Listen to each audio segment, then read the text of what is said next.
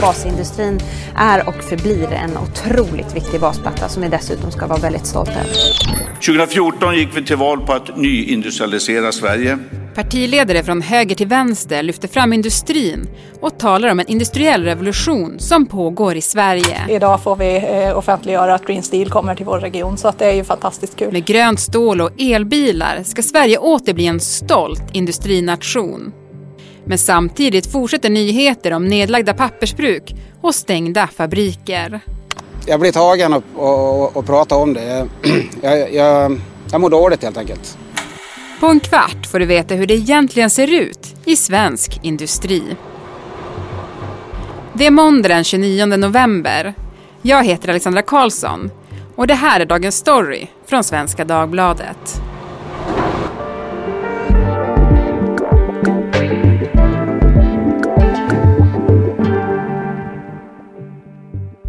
Anders Billing, redaktör på SvD Näringsliv. En redaktör är ju någon som förvaltar andras texter, men här har du själv skrivit ett jättereportage om den nya industriella revolutionen. Varför det? Ja, det är flera skäl. Jag, ibland får man lite skrivklåda själv, men den här gången var det ju framförallt så att det har pratat så mycket om industrin och kommit så mycket rubriker i, åt olika håll. Så att då, och då hade det bara vuxit en fråga i mig, hur ser det ut egentligen? Och den bara gnagde mig för att jag kände inte att jag hade något bra svar på det. Så jag gav mig iväg på en researchresa som resulterade i det här repet. Och då är den stora frågan, är industrin på frammarsch eller inte?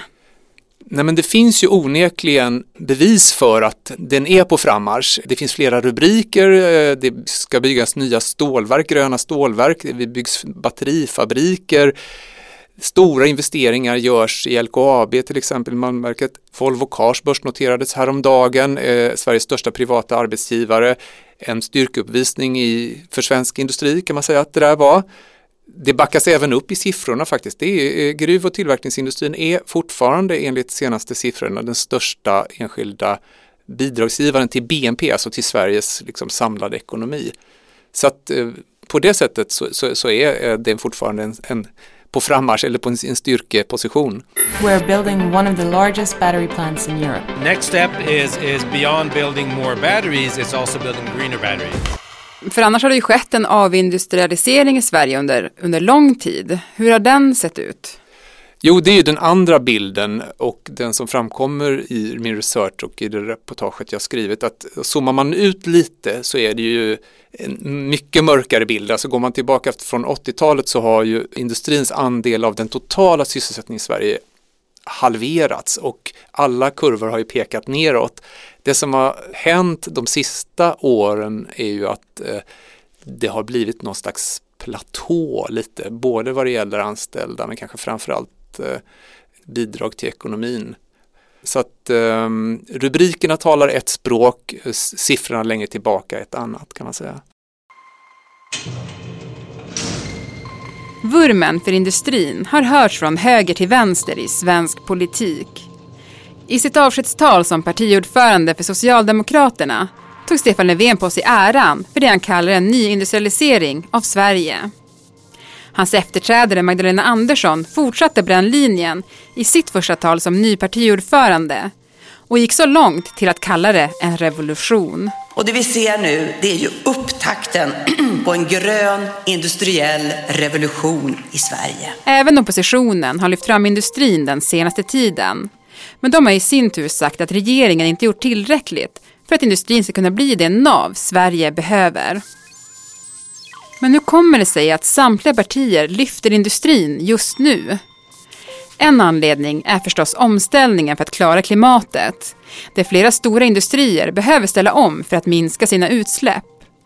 Men motiven att prata om industrin är fler än så skatteintäkter, jobb, eh, välfärd i största allmänhet och att, att värna om en stor del av ekonomin är, är ju ett av politikernas primäruppdrag. Sen så finns det ju andra, det är ju mycket av den här industrin ligger ju inte i storstäder och när det då, som är fallet i flera av de här nya satsningarna, det händer saker i andra delar av Sverige och inte minst då i sådana som har varit utsatta för den här avindustrialiseringen som då kanske i norra Sverige så finns det ju starkt regionalpolitiskt intresse. Sen kan det finnas ytterligare vurmar för detta, att man vill åt vissa typer av väljare kanske. Man gillar kärnkraft i största allmänhet så man pratar lite extra mycket om det. Men i grunden finns ju så att säga en, en insikt om att detta fortfarande är viktigt. Ja, men samtidigt då som vi ser stora satsningar i Skellefteå med Northvolt och i Boden där det ska byggas ett grönt stålverk och kommunalråden där är superglada för det ser vi också nedläggningar av industrier, bland annat Stora Ensos pappersbruk Kvarnsveden, där 400 personer jobbade och som lade ner tidigare i höst. Hur går de här två bilderna ihop egentligen? Eh, där kan man ju se en, flera trender som samverkar just nu och en är så att säga vad man håller på med i de här och du nämner Kvarnsveden då som eh, gjort tidskrifts och tidningspapper och det är ju en teknikomvandling och det finns ju, det är flera bruk i Sverige eh, som har lagt ner pappret. Men det bygger också på att de eh, industriverksamheter som inte har lyckats förädla sina produkter, alltså göra dem mer komplexa, så att man kan ta mer betalt för dem och konkurrera med högre så att säga, kunskapsinnehåll har fått svårare. Det vittnar många av de akademiker jag pratat med i, i den här texten. Så det är en annan faktor som då leder till att vissa branscher klarar sig bättre och är nästan på uppgång medan då andra är på nedgång. Så att eh, det är så de där bilderna går ihop eller och inte går ihop riktigt. Hur ser dagen ut för dig när du jobbar här på LKAB som lastare? Ja, det är att man kommer på morgonen hit och så sätter man sig i maskinen och då kör man tills det blir kafferast. Och om man ska säga någonting om den här nya industrin som växer fram. Du är lite inne på det, men, men hur skiljer den sig från den vi har sett tidigare i Sverige? Om, alltså för 30-40 år sedan så var ju svensk industri stora mekaniska verkstäder med i huvudsak industriarbetare med eh, i och för sig då högt kunskapsinnehåll och de är yrkesskickliga men ändå relativt låg utbildning och alltså tusentals anställda som, som jobbade och relativt lite tjänster. Idag är det ju Dels har ju de blivit väldigt mycket färre, de som är kvar jobbar med, i allmänhet med mycket mer komplexa grejer, de jobbar med automatiserade eh, och sen är det väldigt mycket mer tjänster också och inte med, med i produktionen för att många av företagen säljer tjänst, även industriföretag, ta Scania idag, liksom, en stor del av deras business är att sälja tjänster till åkerierna efteråt för att ta hand om dem. Det gäller även Volvo AB. De är som högteknologiska små skapelser som far på vägarna som kommunicerar med datorer hela tiden hemma hos åkarna och det sköts bland annat av då system som görs av Scania. Så det, är, det, är, det, är en, det har blivit en tjänstebransch i väldigt stor utsträckning kan man säga. Och då tänker jag ju just på det här med arbetstillfällen, eh, för det tänker jag ju verkligen på när man tänker på stora industriföretag. Jag är också uppvuxen i en stad där just en, en fabrik skapat många arbetstillfällen och där många som bor i staden jobbar. Och det är väl också därför som kommuner utanför storstäder verkligen vill få dit liksom de här för att man ska få arbetstillfällen, folk ska kunna bo kvar i staden och det ska också kunna utvecklas. Men då när det gäller eh, de här liksom, nya fabrikerna eller hur det ser ut idag med industrin, vilken typ av jobb är det egentligen som blir aktuella där idag? Det är ju, med ett kort svar, ingenjörer olika sorters ingenjörer alltså, och annan väldigt högkvalificerad arbetskraft och tjänstemän eller så att säga, tjänstepersoner om man ska säga.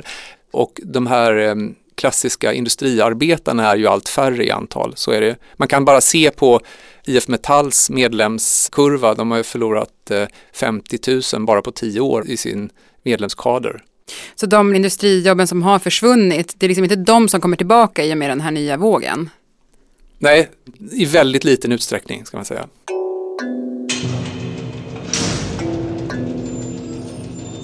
Det var under slutet av 1800-talet som industrialiseringen tog fart i Sverige. I takt med den tekniska utvecklingen blev jordbruket mer effektivt, vilket gjorde att färre människor kunde försörja sig på det. Samtidigt gjorde teknikutvecklingen också att fabrikerna växte fram och allt fler människor började arbeta där istället. Perioden 1890 till 1930 brukar benämnas som det moderna industrisamhällets genombrott. Och efter andra världskriget, 1945, gick industrin på högvarv. Men i järnverkens smältugnar blir det gamla skrotet nytt stål igen. Och därför är skrotet inte bara ett slut, utan också en början. Men under 70 och 80-talet började nedgången. Globaliseringen och automatiseringen gjorde att de stora fabrikerna började tömmas på folk och industrins dominans som arbetsgivare försvagades. I den här perioden tog en 20-årig Stefan Löfven anställning som svetsare på en fabrik i Örnsköldsvik som då hette Hägglunds och Söner. Det var då ett helt annat företag. Det var en mekanisk verkstad som gjorde allting. Idag är det ett eh, försvarsmaterielföretag. De gör bandvagnar och stridsfordon egentligen. Och de är ett jätteroligt och intressant exempel, inte bara för att vår nyligen avgångne statsminister är ett exempel på en som har jobbat där, utan för att de har gjort den här resan alltså på ett väldigt extremt sätt. De eh, är idag en högteknologisk tillverkare av sådana här fordon då och jag intervjuade HR-chefen där och de rekryterar jättemycket folk och Eh, det är i huvudsak väldigt kvalificerade och mycket ingenjörer, alltså de ökar med flera hundra. Så det, de, de är ett klockrent exempel på det här den här omställningen och helt nya sorters industriarbetare. Ja, men då ställer man sig lite grann frågan, Stefan Löfven, eh, hans berättelse är att han var svetsaren som gick hela vägen till Sveriges mäktigaste jobb, alltså statsminister. Och han började ju på företaget 79, men hade han fått jobb där idag? HR-chefen som jag intervjuade, han var väldigt noga med att säga att de fortfarande anställer svetsare och industriarbetarkompetenser. Men samtidigt sa han att under hans tid i, i företaget, bara alltså ett decennium, eh, så hade sammansättningen mellan tjänstemän och arbetare förändrats. Alltså det, det, hade gått, alltså vänts upp och ner helt enkelt. Mm. Så det är tjänstemännen som är som industrin tar över, idag? Ja, ja precis mm. så.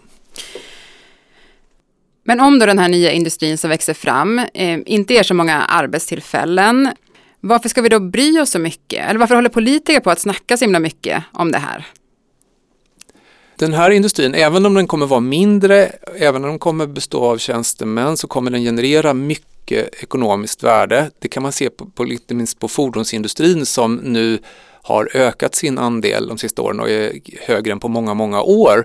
Så att den har ett jättevärde. Sen så har de här, och det berättar den här, en av de här akademikerna jag pratar med, att de, de har någon slags annan funktion idag, de här industriföretagen, även om de är mindre och är mer tjänstemän och eh, ser annorlunda ut, så är de väldigt viktiga för att de är som centrum i, i ekosystem var det uttryck han använde och det är ju då att de har funktioner i regionen där de är. Det, det är ofta många nya företag som startas av sådana som hoppar av därifrån och i och med att de här är så otroligt avancerade så blir de nästan en del av utbildningssystemet då. Man lär sig det man kallar för globala supply chains för att använda mm. en anglicism. Nej, men så här, leverantörskedjor är det svenska ordet faktiskt. Och eh, hur det fungerar och så kan man använda det och så startar man ett litet tjänsteföretag då som inte ser ut som ett industriföretag men som är liksom helt beroende. Ett jätteexempel är det här försvars, ett annat försvarsföretag, Saab i Linköping som har emanerat flera andra nystartade företag. Så det är bara ett exempel på hur de där sprider ringar på vattnet och ändå är viktiga, liksom, mm. bortanför sitt ekonomiska värde också. Vi bygger landet i järnhål Röjer dess tegar och plöjer men till sist då, Anders, så måste jag ju ställa den här frågan som eh, hela det här avsnittet har handlat om egentligen. Är det verkligen en industriell revolution vi ser i Sverige? Jag skulle säga att vi ser början till en. Som jag har sagt här och som jag berättade i reportaget så befinner sig industrin på det hela taget på någon slags platå. Det värsta raset är stoppat. Frågan är vart man ska gå framåt och där är ju ambitionerna för omställning enorma. Planerna stora, investeringsbeloppen jättestora. Man kan ta bara fordonsindustrin som exempel här. De vill genomgå en enorm elektrifiering, men det är väldigt långt kvar. Jag tittade på siffran. Eh, Scania redovisar inte hur många som har varit elektriska. Volvo är ju drygt 200. Så att, eh, och det är ju enormt att de har börjat sälja. Det är stort och det är en början på en stor omställning. Och då stod båda företagens chefer på klimatmötet i Glasgow för bara här en veckan och pratade om sina enorma ambitioner. Men det är väldigt långt kvar och det gäller för flera av de här stora projekten. Så att vi ser början på en industriell revolution. Hur stor den blir, hur långt den går och hur framgångsrik den blir, det är för tidigt att säga något om. Du får komma tillbaka till podden då och berätta när vi vet mer. Det lovar jag. Toppen. Tack Anders Billing för att du var med i Dagens Story. Tack. Dagens program producerades av Daniel Persson Mora. Redaktör var Therese Stenler von Matern. Och jag heter Alexandra Karlsson.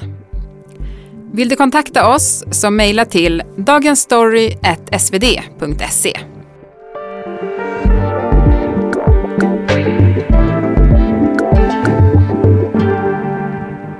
Klippen som hördes i dagens program kom från Socialdemokraterna, branschorganisationen Järnkontoret, SVT, Aftonbladet, Northvolt och Svenska Filminstitutet.